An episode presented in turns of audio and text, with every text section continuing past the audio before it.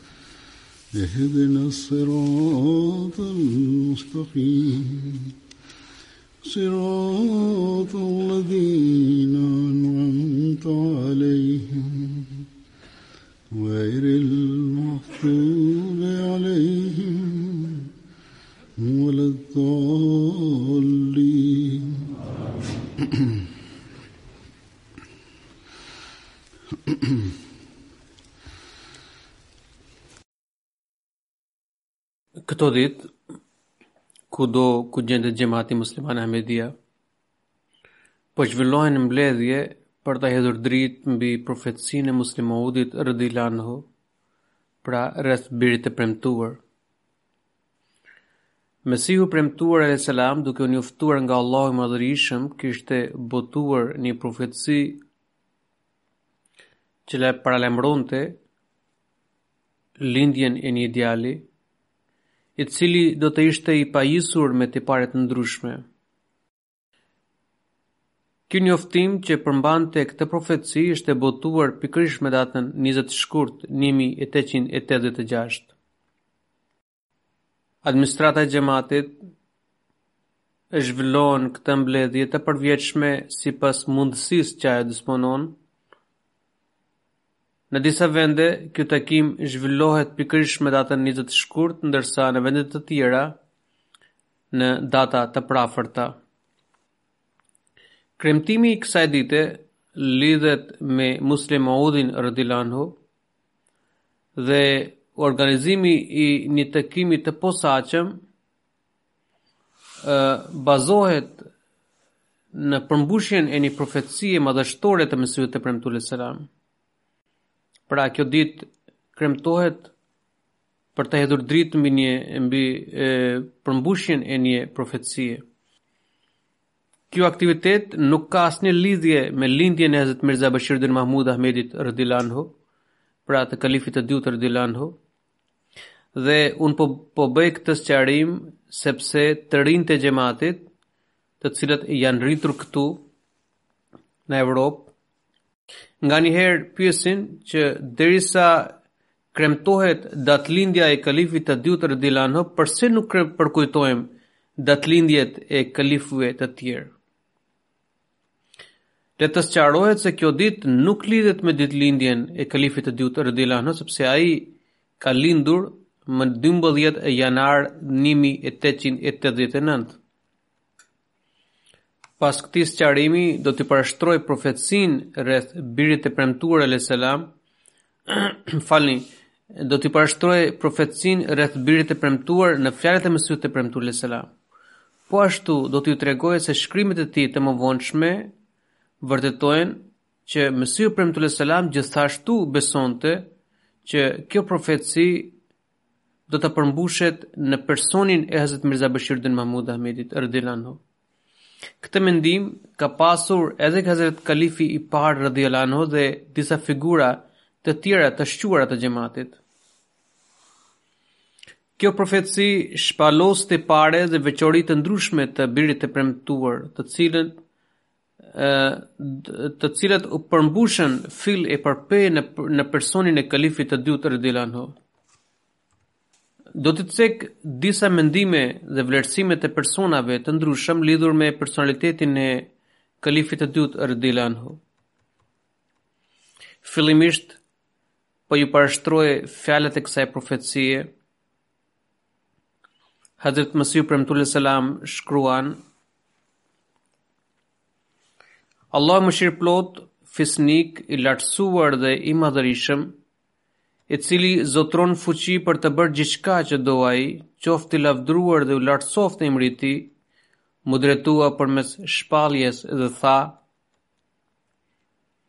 Unë të jap shenjën e mëshirës në përputhje me atë që më ke kërkuar, kështu që unë i dëgjova përgjërimet e tua dhe t'i pranova lutjet nëpërmjet mëshirës sime dhe bekova udhëtimin tënd të Hoshiarpurit dhe të Ludianës. Prandaj të jepet shenja e fuqisë, mëshirës dhe të afërsisë sime, Të jepet shenja e mirësisë dhe të dashamirësisë dhe të dorëzohet çelësi i fitores dhe i suksesit. O fitues, paqja qoftë mbi ty. Kështu tha Zoti, që ata të cilët kanë lakmi për jetën të lirohen nga kthetrat e vdekjes. Dhe ata që janë të mbyllur në varre të dalin jashtë dhe që epërsia e Islamit dhe madhështia e fjalës së Zotit t'u shfaqet njerëzve dhe që vërtetësia të arrijë me të gjitha bekimet e saj dhe rrena të arratiset me të gjitha papastërtitë e saj. Që njerëzit të kuptojnë se unë jam i plotfuqishëm, bëj ashtu siç më pëlqen, dhe që ata të binden se unë jam me ty dhe që ata të cilët nuk pranojnë qenien e Zotit dhe e mohojnë dhe e kundërshtojnë atë, fenë e tij, librin e tij dhe të dërguarin e tij të shenjtë profetin Muhammed, paqja dhe mëshira e Allahut qofshin mbi të, të gjejnë një shenjë të qartë dhe që të dallohet rruga e fajtorëve. Prandaj gëzohu që do të të jepet një djalë i pashëm dhe i çiltër.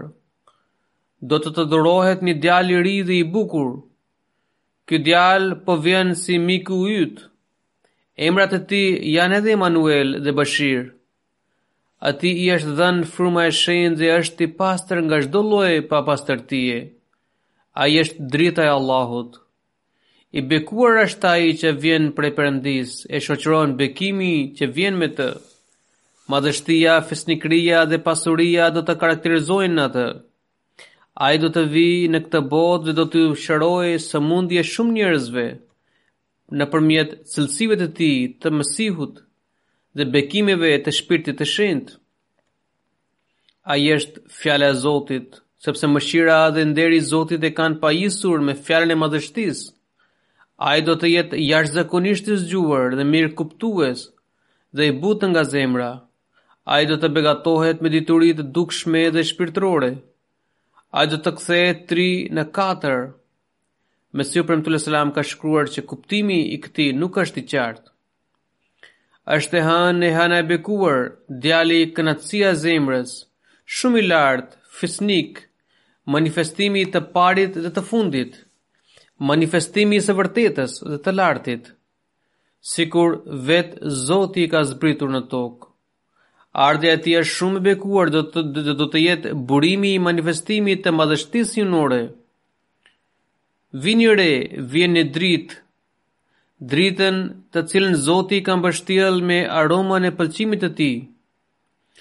Ne do ta mbushim atë me frymën tonë dhe ai do të qëndrojë nën hijen e Zotit. Ai do të rritet shpejt dhe do të bëhet mjeti i lirimit atyre që janë në skllavëri. Fama e tij do të arrijë deri në skajet e botës dhe kombet do të gjejnë bekimin nëpërmjet tij.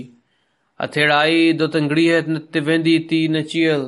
Kjo është një çështje e dekretuar. Hazret Mesihu i Premtuar alejhi selam ka komentuar mbi këtë profeci në në në lidhje me Hazret Mirza Bashiruddin Mahmud Ahmedit, ai shkruan kur djali im i parë ndroi jetë, hoxhallarët e thjeshtë bashkë me mbështetësit e tyre, si dhe disa të krishterë dhe hindu, gëzuan pa mas. Derisa profecia e shpallur më 20 shkurt në vitin 1886 në fletushkën e gjelbër paralajmëronte për vdekjen e disa djemve në moshë të njomë. Prandaj duhej që ndonjë djalë të ndahej nga jeta në fëmijëri. Megjithatë, njerëzit nuk pushuan së kritikuari. Pastaj Zoti më dha myzhde për një djalë tjetër dhe kjo profeci është dhënë në faqen shtatë të këtij njoftimi me këto fjalë, Do të të, do të, të jepet një beshir tjetër, që do të quhet edhe Mahmud. Ndonëse ai deri më tani pra 1 shtator 1888 nuk ka lindur, por sipas premtimit të Zotit ai do të lindë patjetër brenda afatit. Qielli dhe toka mund të lëvizin nga vendi, por premtimi i Zotit nuk mund të shtyhet.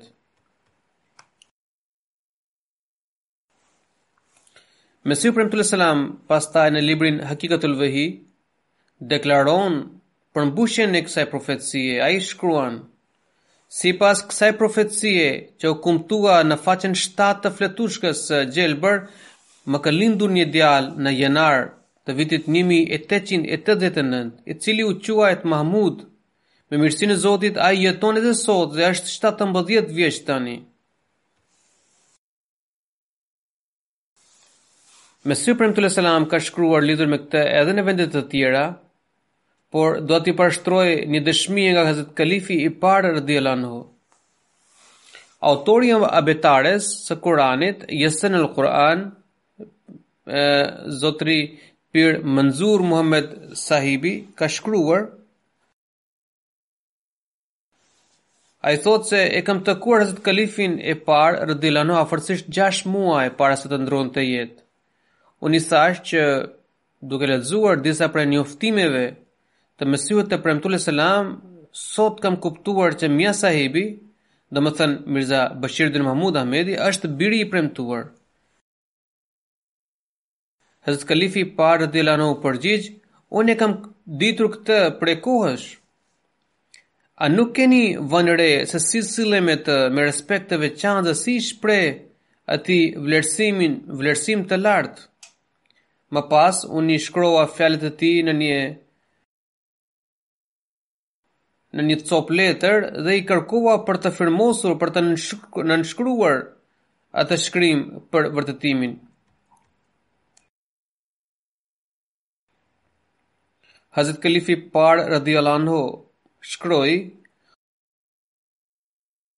Unë vërtetoj se këto fjalë i kam thënë Pir Manzur Muhamedit, pastaj vuri firmë Nuruddin 10 shtator 1913. Pasditen e së nesërmes Shkrova, shkova sërish në shtëpinë e Hazrat Kalifit të parë radhiyallahu anhu, teksa ishte i shtrirë në krevat, unë zura të shtypja këmbët. Pas një heshtjeje, ai m'u drejtua dhe tha: "Mos e publiko këtë çështje tani, por prit derisa të shfaqet kundërshtimi." Domethënë kjo profeci përmbushet me personin e Hazrat Mirza Bashiruddin Mahmud Ahmedit radhiyallahu anhu. Ghulam Hussein Sahibi, beu i fshatit nga Sjalkoti, shkroi një letër drejtuar Hazrat Kalifit të dytë radhiyallahu anhu pas deklaratës së këtij të fundit se është Muslih Maudi radhiyallahu anhu.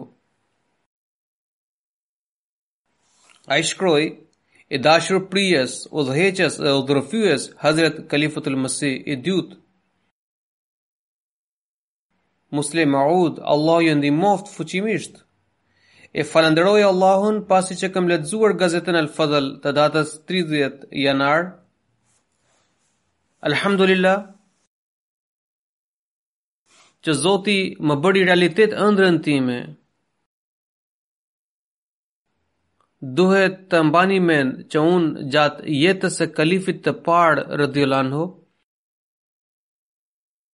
Ju kisha përgëzuar në zyrën e gazetës Al Fadl.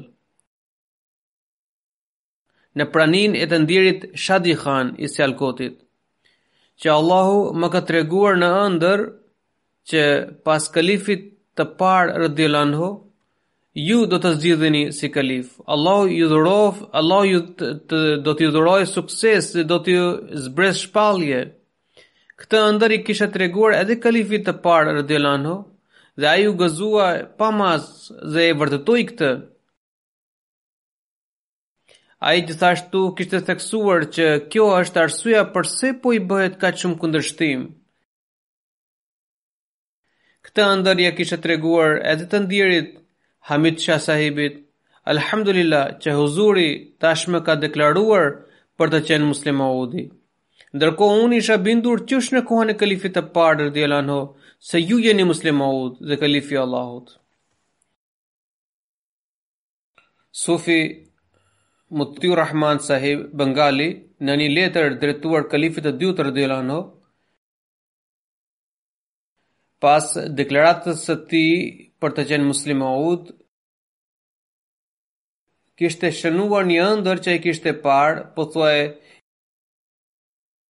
24 vjet përpara. Ai shkroi: Këtë ëndërr e kisha parë afërsisht 24 vjet përpara dhe jua kisha përshkruar me hollësi. Por, tani që i nderuari Kalif ka deklaruar se është Muslih Maudi, zemra më është mbushur me bindje se kjo ëndërr lidhet me këtë profeci. Kisha parë në ëndërr se janë mbledhur njerëzit për namazin e Bajramit, ndërsa Mesihu i Premtuar alejhi selam i veshur me një pallto të gjelbër mbante hutbe nga një tribunë e lartë. Pasi që përfundoi hutben, unë iu afrova për të përshëndetur. Kur ia zgjata dorën, u habita sepse ai nuk ishte Mesihu i Premtuar. Por ishte i nderuar huzuri, domethënë Hazrat Kalifi i dytë radhiyallahu anhu. Këtë ëndër ia kam kallëzuar kapiten doktor Bedrudin Sahibit dhe vëllait tim, Molvi Zilur Rahman Sahibit, i cili shërben si misionar në Bengal. Molvi Zilur Rahman Sahibi më shkroi që ju keni parë përmbushjen e profecisë lidhur me kalifin e dytë radiallahu anhu, se ai do të do të të shëmbëllojë ty në mirësi dhe dashamirësi. Po kështu, Sheikh Muhammad Ismail Sahib Sersavi ka rrëfyer se kemi dëgjuar disa herë nga Mesihu i Premtuar alejhi selam se djali ardhja e të cilit ishte paralajmëruar në profetësi është Mahmudi, Unë ndonjëherë lutem veçanërisht për të, sepse ai ushqen sedrën për çështjen e fesë. Derisa ai nuk u njoftua nga Zoti, Hazrat Mirza Bashiruddin Mahmud Ahmedi nuk nuk deklaroi se është Muslih Maud. Madje ai shpalli këtë deklaratë vetëm kur mori urdhër të prerë nga Zoti. Ndër të tjerat, ai njoftoi se disa anëtarë të xhematit duke parë përmbushjen e disa tipareve për birin e premtuar në profecinë e Mesihut të premtuar alayhis salam, pohonin se ajo profeci ishte për mua. Megjithatë, unë gjithmonë jam përgjigjur që derisa Allahu i madhërishëm nuk më jep një urdhër për të, sh, për ta shpallur këtë, unë nuk do të shprehem vetë. Përfundimisht erdhi dita kur Zoti më shtyu për të publikuar këtë pohim. Hazrat Kalifi i Dytë radhiyallahu në një mbledhje madhështore në Hoshiarpur deklaroi publikisht që sipas urdhrit të Zotit unë deklaroj solemnisht që në përputhje me profecinë e Mesihut të premtuar alejhi selam Zoti më ka cilësuar si biri i premtuar i cili do ta përçojë emrin e Mesihut të premtuar alejhi selam deri në skajet e botës Ndërsa në takimin që u zhvillua në Lo në Lahore ai deklaroi: Betohem në emër të Allahut, të vetmit dhe imposhtësit, shpifja ndaj të cilit është tipari i personave të poshtër, të cilat nuk mund t'i shpëtojnë dot ndëshkimit të tij të ashpër. Betohem që Zoti më ka njoftuar nëpërmjet shpalljes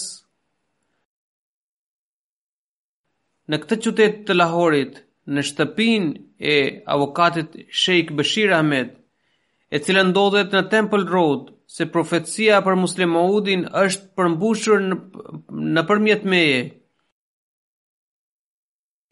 Dhe unë jam ai reformator i premtuar nëpërmjet të cilit Islami do të përhapet deri në skajet e botës dhe do të vendoset fuqimisht njëshmëria e Zotit.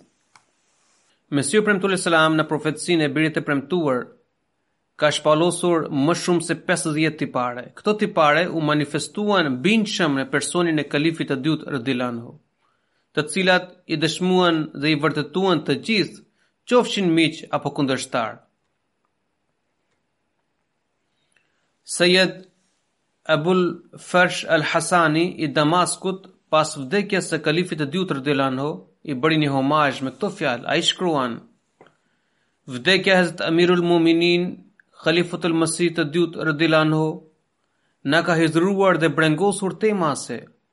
Kjo dhimbje ka prekur thellë çdo ahmedian. Xhamati i Demaskut është tronditur veçanërisht nga ky lajm, nga ky lajm i hidhur, sepse ai është themeluar nga dora e vetë kalifit i dytë radiallahu anhu dhe ai është kujdesur dhe rritur nga vëmendja dhe shpirtërorja e tij. Kjo farë e mbjellë prej tij sot është shndërruar në një pemë të lulëzuar. Myzhdeja prej Zotit u përmbush sepse popujt fituan bereqet nëpërmjet tij. Ne kemi fituar bekime të panumërta të të Madhit Zot falë lutjeve të përshpirtshme dhe përkujdesjes së veçantë ndaj ndaj nesh. Kujtoj me mall që kurdo i kam kërkuar lutje për ndonjë hall, kam dëshmuar shenjat e pranimit si si shpirtërisht ashtu edhe materialisht. Fjalët e Zotit e përshkruajnë mrekullisht personalitetin e tij. Drita po vjen. Po ajo, po ajo dritë të cilën Zoti i ka stërpikur me aromën e pëlqimit të tij. Gazeta Al Fazl e datës 27 korrik 1944 ka botuar një një ëndërr, shkrimi është i dërguar nga Muhammed Muhel Sahibi, Ai ka shkruar që një i afërm i tij, Muhamed Ekrem Sahibi, i cili ende nuk ishte anëtarësuar në xhemat, kishte parë një ëndërr një natë para se të mbërrinte Hazrat Kalifi i dytë radhiyallahu anhu në Nawabshah në vitin 1936. Ai kishte parë në ëndërr që një person hipur në luan po vinte drejt pazarit të Unazës nga stacioni hekurudhor. Kur iu afrua, vura re që ajetet e Kuranit ishin shënuar mbi trupin e tij. Unë i pyeta të pranishmit se kush ishte ai. Ata më treguan se ai ishte Mirza Mahmud Ahmedi nga Kadiani. Pastaj kur pyeta se çfarë është ai, më thanë se ai ishte veliullah më i madh i kohës, domethënë i dashuri i Allahut. Kjo profeci e Mesihut të Premtuar alejhi selam është vërtetuar edhe nga joahmedianët. Një dëshmi e tillë është dhënë nga një dietar i njohur musliman, Molvi Samiullah Khan Sahib Faruki. Ai në një shkrim titulluar Manifestimi i së vërtetës ka shkruar, Ai, domethënë Mesihu i Premtuar alejhi selam, ai u njoftua se unë do të, të, unë do të caktoj një person për xhematin tënd nga pasardhësit e tu.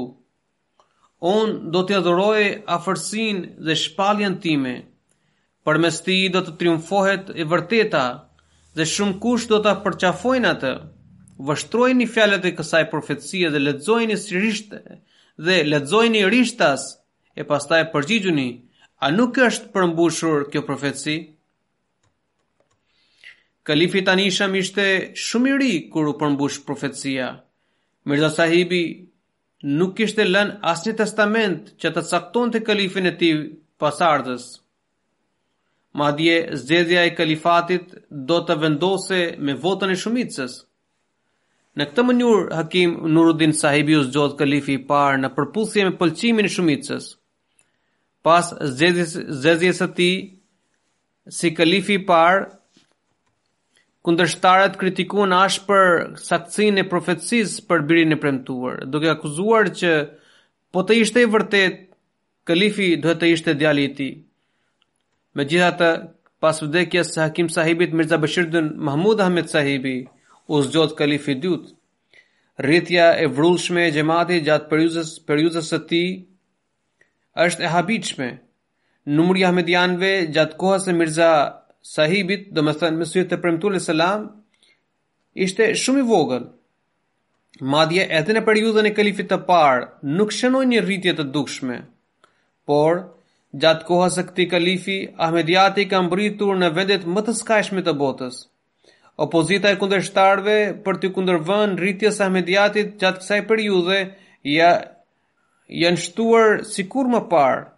Mirpo, sipas të gjitha gjasave, pritet që numri i ahmedianëve në regjistrimin e ardhshëm të popullsisë do të dyfishohet nga ai i vitit 1931. shkurt mund të themi që zgjedhja e tij në krye të xhamatit dhe më pas zhvillimi i jashtëzakonshëm i xhamatit vulos vërtetësinë e profecisë së Mirza Sahibit. Kryeredaktori i gazetës Rëngin, Arjun Singh Sahibi, i ndjekës i fesë Sikh, duke komentuar mbi profecinë e Mesihut të Premtuar alejhi selam, ka shkruar që Mirza Sahibi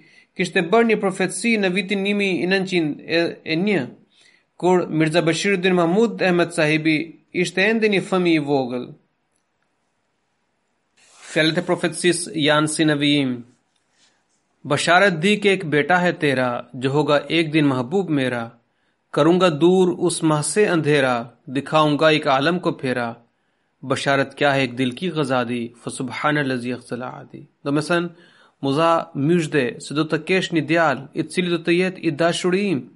Unë do të largoj çdo errësirë përmes asaj hëne dhe do të përmbysësh një botë të tërë. Kjo nuk është thjesht një myzhde, por ushqim për shpirtin tim. I shenjtë është Zoti që ka poshtruar kundërshtarët e mi. Sigurisht kjo profeci është e jashtëzakonshme. Në vitin 1901, Mirza Bashiruddin Mahmud Ahmedi nuk shquhej si një dietar apo studiues i madh dhe ai ende nuk kishte treguar aftësinë e tij për çështjet politike. Andaj kjo deklaratë që djali yt do të shquhet për këto apo ato aftësi, tregon se këtu vepron një fuqi shpirtërore. Dikush mund të thotë se Mirza Sahibi kishte themeluar një kult fetar përmes disa deklaratave, prandaj kishte paramenduar që pas tij një ndër djemtë e tij me siguri do të merrte drejtimin e këtij kulti. Prandaj kjo profeci nuk ka vlerë. Kjo është një akuzë e pabazë dhe plotësisht e gabuar. Sepse Mirza Sahibi nuk ka vënë asnjë kusht për kalifin që që ai duhet të jetë patjetër nga fisi i tij apo nga pasardhësit e tij. Prandaj kalifi i tij i parë ishte një person i cili nuk kishte asnjë lidhje farefisnore me Mirza Sahibin. Mandej që edhe pas vdekjes së Molvi Hakim Nurdin Sahibit, kalifi të zgjidhej dikush tjetër.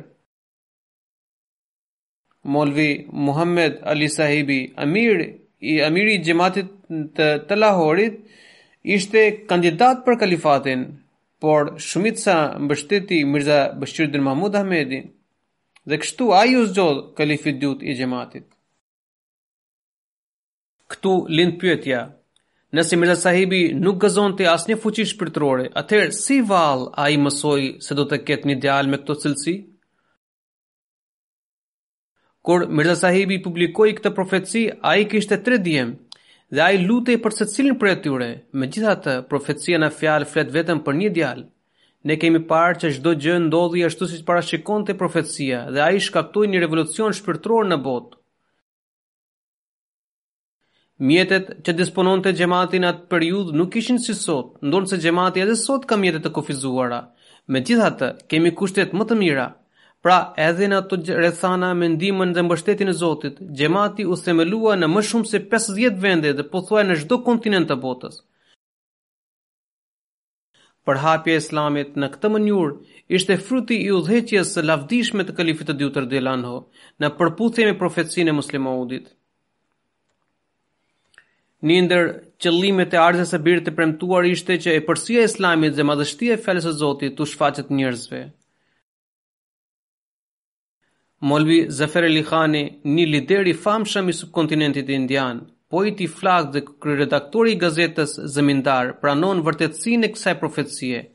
Ai, duke u drejtuar ndjekësve të tij, tha, Dëgjoni me vëmendje, as ju e as vartësit tuaj nuk do t'i bëni ballë Mirza Mahmudit deri në ditën e Kiametit. Mirza Mahmudi mbështetet në Kur'an dhe zotëron dijen e Kur'anit, ndërsa ju as në ëndërr nuk e keni lexuar atë. Mirza Mahmudi gëzon një xhamat që është i gatshëm për të sakrifikuar gjithçka vetëm me një urdhër. Mirza Mahmudi ka misionarë që zotërojnë njohuri të thellë në fusha të ndryshme dhe kanë ngritur flamurin në çdo vend të botës. Hasan Nizami i Delhit ka përshkruar figurën e Muslih Maudit radhiyallahu anhu me këto fjalë. Ai shkruan, Ai sëmuret shpesh, por sëmundjet nuk ia pengojnë dot veprimtarinë. Duke punuar me qetësi dhe vendosmëri përballë kundërshtimit të stuhishëm, ka vërtetuar trimërinë dhe burrërinë e racës mugale. Mënyra e shkëlqyer e punës gjithashtu dëshmon këtë. Ai zotëron dije dhe kuptim të thellë në çështjet shpirtërore. Posedon njohuri të gjerë në fushën e politikës, po ashtu analizon mirë taktikat e luftës, domethënë në ballafaqimin e mendimeve me anë të pendës. Profecia për birin e premtuar njoftonte se të prangosurit do të gjejnë liri nëpërmjet tij. Kjo pjesë e profecisë është përmbushur në disa mënyra dhe kjo gjë ka çuditur çdokënd. Lëvizja për pavarësinë e Kashmirit është një dëshmi e pamohueshme në këtë aspekt. Suksesi i kësaj lëvizjeje i takon Komitetit Indian për Kashmirin. Ky komitet i famshëm ishte themeluar pas thirrjes së Muslih Maudit radhiyallahu anhu dhe liderëve të mëdhenj të muslimanëve, si Sir Zafrullah Khan sahibi, Doktor Sir Muhammad Iqbali, Khwaja Hasan Nizami nga Delhi,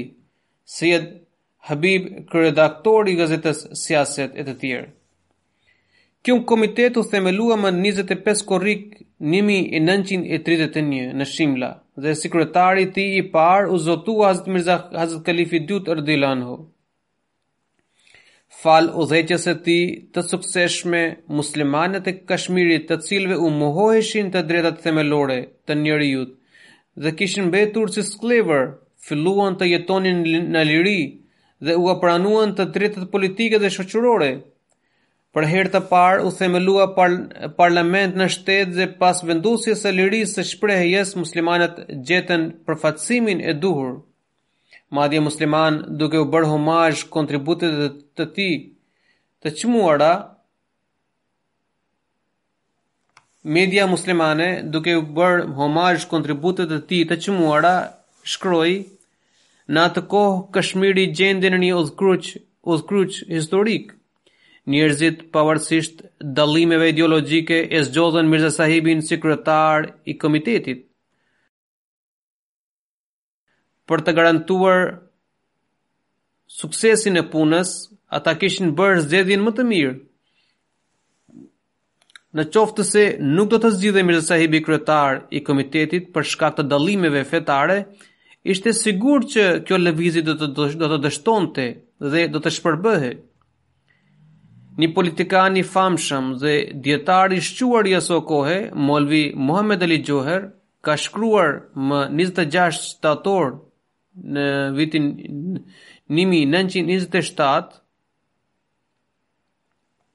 ai shkruan, do të jetë mosmirënjohje e madhe nëse nuk e përmendim Mirza Bëshiruddin Mahmud Ahmedin dhe xhematin e tij të organizuar, pavarësisht mospërputhjes ndërmjet mendimeve fetare, Mirza Bashiruddin Mahmud Ahmedi i ka kushtuar gjithë vëmendjen e tij mirëqenies së muslimanëve. Këta zotërinj, nëse po interesohen për çështjet politike të muslimanëve, janë angazhuar me përkushtim të plotë për organizimin, ekonominë dhe edukimin e tyre. Ajo ditë nuk është larg kur veprimtaria e gjallë dhe e frutshme e kësaj bashkësie do të jetë shembullore për grupe të tjera muslimane, në përgjithësi dhe veçanërisht për ata që lëshojnë slogane demagogjike e të zbrazta nga mimberi i xhamisë.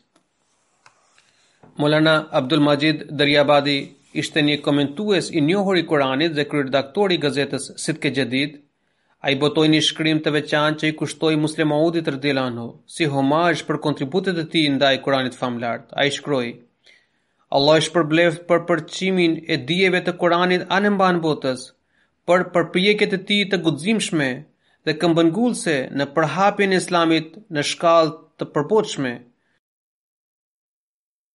Komentimi dhe shtjellimi i çështjeve të Kuranit të bëra në mënyrë shkencore dhe akademike shquhen për lartësinë e tyre. Në vitin 1914, një prift amerikan mbërriti në Kadian. Ai shtroi disa pyetje fetare para ahmedianve. Këto ishin pyetje mjaft të rëndësishme. Këto pyetje u kishte bërë shumë dijetarëve, por ende s'kishte marrë një përgjigje bindëse. Tashmë kishte ardhur në Kadian që t'i bënte këto pyetje kalifit për të marrë, për të parë se si do të përgjigjej ai. Molvi Omerdin sahibi ka shkruar se pyetjet ishin aq të ndërlikuara dhe të çuditshme, saqë u binda që i nderuar kalifi nuk mund t'u përgjigjej atyre. Unë po mendoja se kalifi është shumë i ri në moshë, ai nuk kishte marrë arsimin fetar në mënyrë institucionale. Aq më tepër nuk kishte njohuri të gjithanshme. Prandaj, mospërgjigjja e këtyre pyetjeve do të cenojë rëndë emrin e xhematit dhe do të çnderojë kalifin në sytë e botës. Prifti duke u kthyer në Amerikë do të propagandojë kundër xhematit se kalifi i tyre nuk di asgjë dhe nuk mund të ballafaqohet me ideologjinë krishtere e të tjerë. Unë isha shumë i shqetësuar dhe u, dhe u mundova në çdo mënyrë që ai të mos takonte kalifin. Mirëpo prifti ngulte këmbë se nuk do të largohet pa e takuar kalifin. U detyrova të shkoja te huzuri dhe i thashë se ka ardhur një prift nga Amerika dhe ka dëshirë t'ju bëjë disa pyetje. Kalifi m'u përgjigj sakaq, silleni këtu. Sidoqoftë, unë e shoqërova deri te kalifi dhe qëndrova dhe qëndrova aty si si përkthyes, si ndërmjetës për bisedën e tyre. Pas një bisedë formale, prifti amerikan parashtroi pyetjet e tij, pyetjet e tij. Kalifi dëgjoi me vëmendje dhe pastaj u përgjigj në mënyrë aq të përsosur, saqë mbeta i mahnitur nga elokuenca e tyre. Nuk besoja se kalifi mund të jepte përgjigje aq bindëse dhe të argumentuara kaq mrekullisht.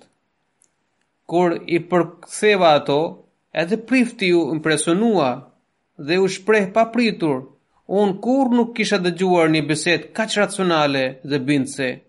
Jam i bindur se udhëheqësi juaj është një dijetar i madh, i cili i ka studiuar gjerësisht të gjitha fetë e botës. Pastaj ai puthi me nderim dorën e kalifit dhe kërkoi leje për t'u kthyer. Në shkurt të vitit 1945, Hazrat Muslih Maudi radhiyallahu anhu mbajti një ligjëratë mbi temën Sistemi ekonomik i Islamit.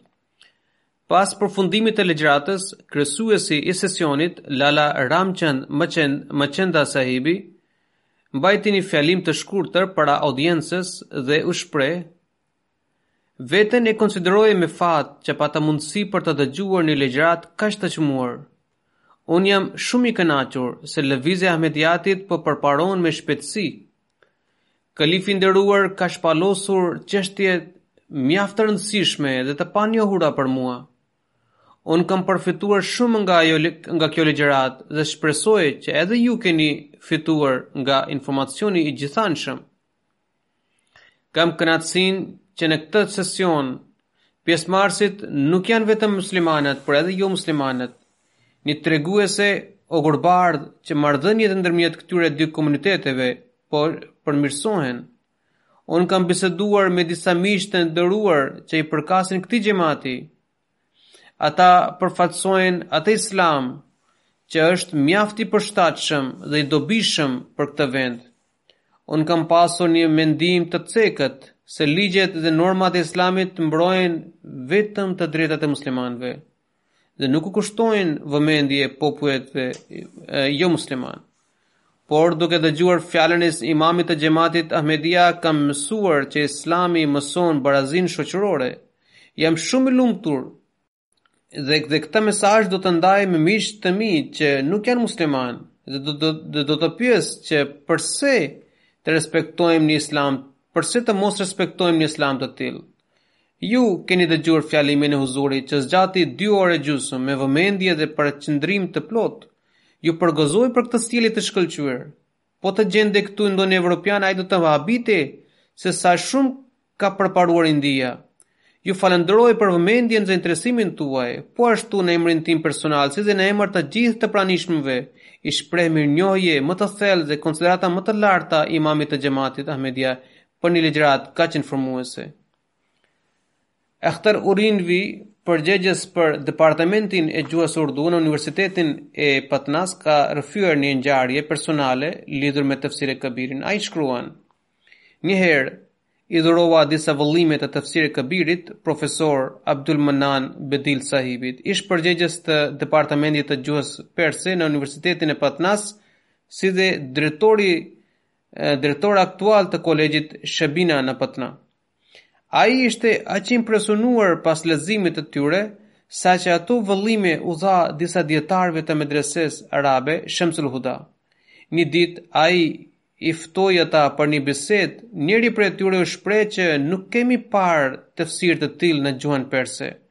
Kur profesor Abdulmanani Sahibi, Abdulmanan Sahibi pyeti për tefsiret në gjuhën arabe, nuk u përgjigj asnjëri. Pas një heshtjeje, dikush nga dijetarët tha që në Patna nuk mund të gjejmë të gjitha tefsiret në gjuhën në gjuhën arabe. Një gjykim i drejtë mund të japim vetëm pas vlerësimit përfundimtar të komentimeve nga Egjipti dhe Siria. Profesori u foli për komentimeve për komentime për komentime të vjetra në arabisht dhe konstatoi që tefsiri i Mirza Mahmudit është i pakrahasueshëm dhe shembulli i tij nuk mund të gjendet në asnjë gjuhë. Ju mund t'i porosisni tefsiret bashkëkohore nga Egjipti apo Siria dhe mund të ulemi sërish për këtë bisedë pas disa muajsh. Ky pohim i profesorit u bëri shumë përshtypje të gjithë dijetarëve. Kureshi Abdurrahman Sahibi ka rrëfyer një ndodhi që hedh dritë mbi diturinë dhe njohurinë e Muslih Maudit radhiyallahu anhu.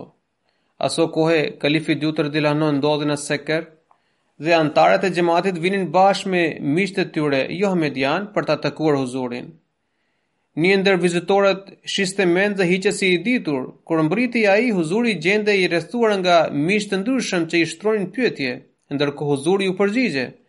Por ky njeri sikur kishte qepur gojën dhe nuk fliste fare, kështu përfundoi takimi dhe ai nuk tha asnjë fjalë. Unë i pyeta se përse nuk kishte bërë pyetje, ai u përgjigj menjëherë se të flisje diçka këtu ishte njësoj si të zbuloheshe para të tjerëve. Ai ishte një kundërshtar i përbetuar i xhematit, por gjatë gjithë kësaj kohe, ai mbeti i magjepsur nga biseda e huzurit dhe u shpreh se lëre pyetjen, aty ishte vështirë të ruaje besimin. Lala Keremçend, kryeredaktor i gazetës së përjavshme Pares, bashkë me disa gazetarë vizituan Kadianin. Ata u impresionuan nga personaliteti i kalifit dhe botuan një shkrim në gazetë. Ai shkroi: Ne kujtonim se Zefrullah Khani është njeriu më i madh, meqë ishte anëtar i Këshillit Ekzekutiv të Vajsrajes, por ai është një si një nxënës para Mirza Bashirudin Mahmud Ahmedit. Për çdo çështje ai kishte pikëpamje më të drejta dhe të argumentuara. Ai është një person me aftësi të jashtëzakonshme dhe një lider i tillë mund të udhëheqë çdo vend drejt shkallës më të lartë të zhvillimit. Një studiues i cili kishte marrë pjesë në Xhelsa Salana në Kadian ka shprehur përshtypjet e tij për Muslih Maudin radhiyallahu anhu dhe për ndjekësit e tij me këto fjalë. E ndër të tjerat, kam vënë re se e gjithë kjo bashkësi, kjo mizëri dhe grumbull njerëzish lëviz me gishtin e këtij udhëheqësi fisnik. Duke vështruar figurën e udhëheqësit të xhematit Musliman Ahmedia, kam mbritur në përfundimin që ai ka dhunti të rrallë me penë një elokuencë të jashtëzakonshme dhe aftësi të theksuar udhëheqjeje.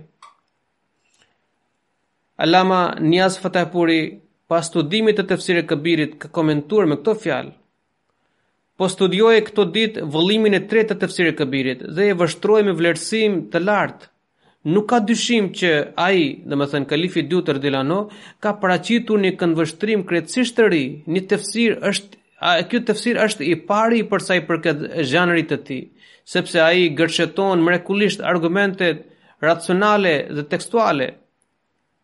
Njohuria njohuria njohuria e tij e gjerë, botëkuptimi i thellë, zgjuarsia e jashtëzakonshme dhe argumentimi i mrekullueshëm të gjitha këto shfaqen qartësisht në çdo fjalë. Shpreh keqardhjen se përse nuk i kisha gjetur më parë, e sikur të gjeja të gjithë vëllimet e tij Dje po lexoja komentimin e sures Hud, më pëlqeu jashtë mase mendimi juaj për Lutin alejhi selam dhe nuk mund të mos shpreh konsideratat e mia më të larta për shpjegimin tuaj për haulai benati, domethënë këto janë bijat e mia. Ju keni argumentuar në një mënyrë krejtësisht ndryshe nga komentuesit e mëparshëm. Zoti ju ruajtë. Përshtypjet e çdo personi, qoftë dashamirës apo kundërshtar, që ai krijonte duke takuar Muslemaudin radijallahu anhu ishin të jashtëzakonshme. Tiparet dhe veçoritë e tij e habisnin çdo kënd. Prandaj çdo mbledhje apo takim ku përmendet kjo profeci apo arritjet e shkëlqyera të Muslemaudit radijallahu anhu manifeston vërtetësinë e kësaj profecie. Allahu na mundësoftë të lutemi gjithmonë për ngritjen e shkallëve shpirtërore të Muslemaudit radijallahu anhu. Ne gjithashtu duhet të reflektojmë mbi gjendjen tonë. Përparimi i xhematit kërkon që çdo anëtar ta përmirësojë aftësinë e tij dhe ta përdorë atë për hir të xhematit. Vetëm kështu mund ta shohim xhematin duke ecur me shpejtësi në rrugën e përparimit. Allahu na mundësoftë.